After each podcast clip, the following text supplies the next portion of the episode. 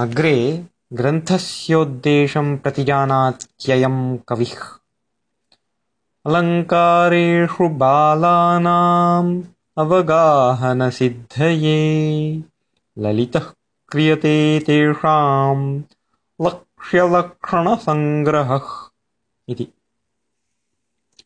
अलङ्कारेषु बालानाम् अवगाहनसिद्धये इति उद्देशं वदति तथा अधिकारिणामपि परिचयं वदति बालानामिति।